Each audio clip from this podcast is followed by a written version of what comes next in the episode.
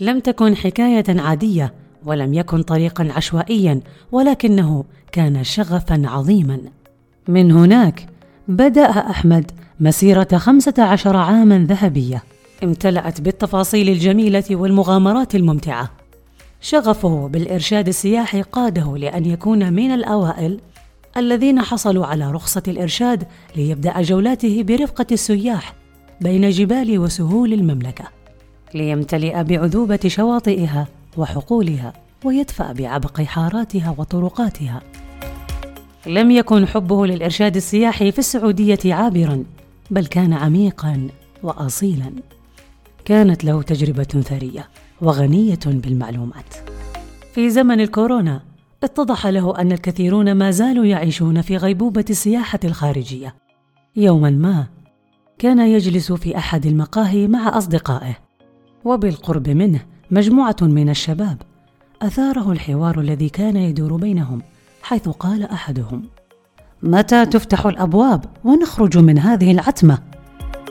ليرد الآخر في مثل هذه الأيام في السنة الماضية كنت في باريس واليوم أحتسي القهوة معكم في الرياض أشهر ونحن في نفس المكان ونفس الأحداث لقد مللت متى تفرج ونطير نحتاج أماكن مختلفة.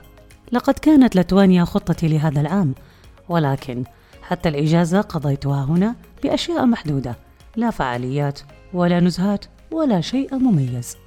أثار حوارهم أحمد الذي لم يتمكن من الجلوس وقرر الذهاب إليهم.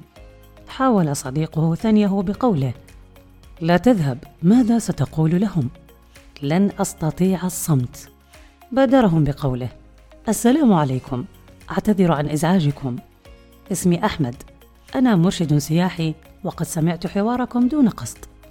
أنا أمتلك سجلا مليئا بالسفر لكل مكان وذعرت حين عرفت نظرتكم للسياحة الداخلية.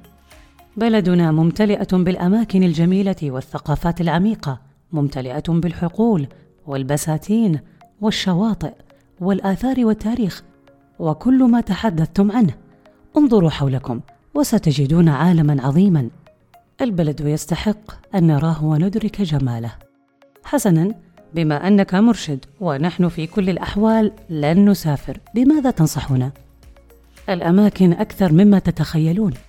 ستجدون هنا كل ما وجدته في الخارج. ويسعدني أن تكون انطلاقة رحلتكم من مدينتي.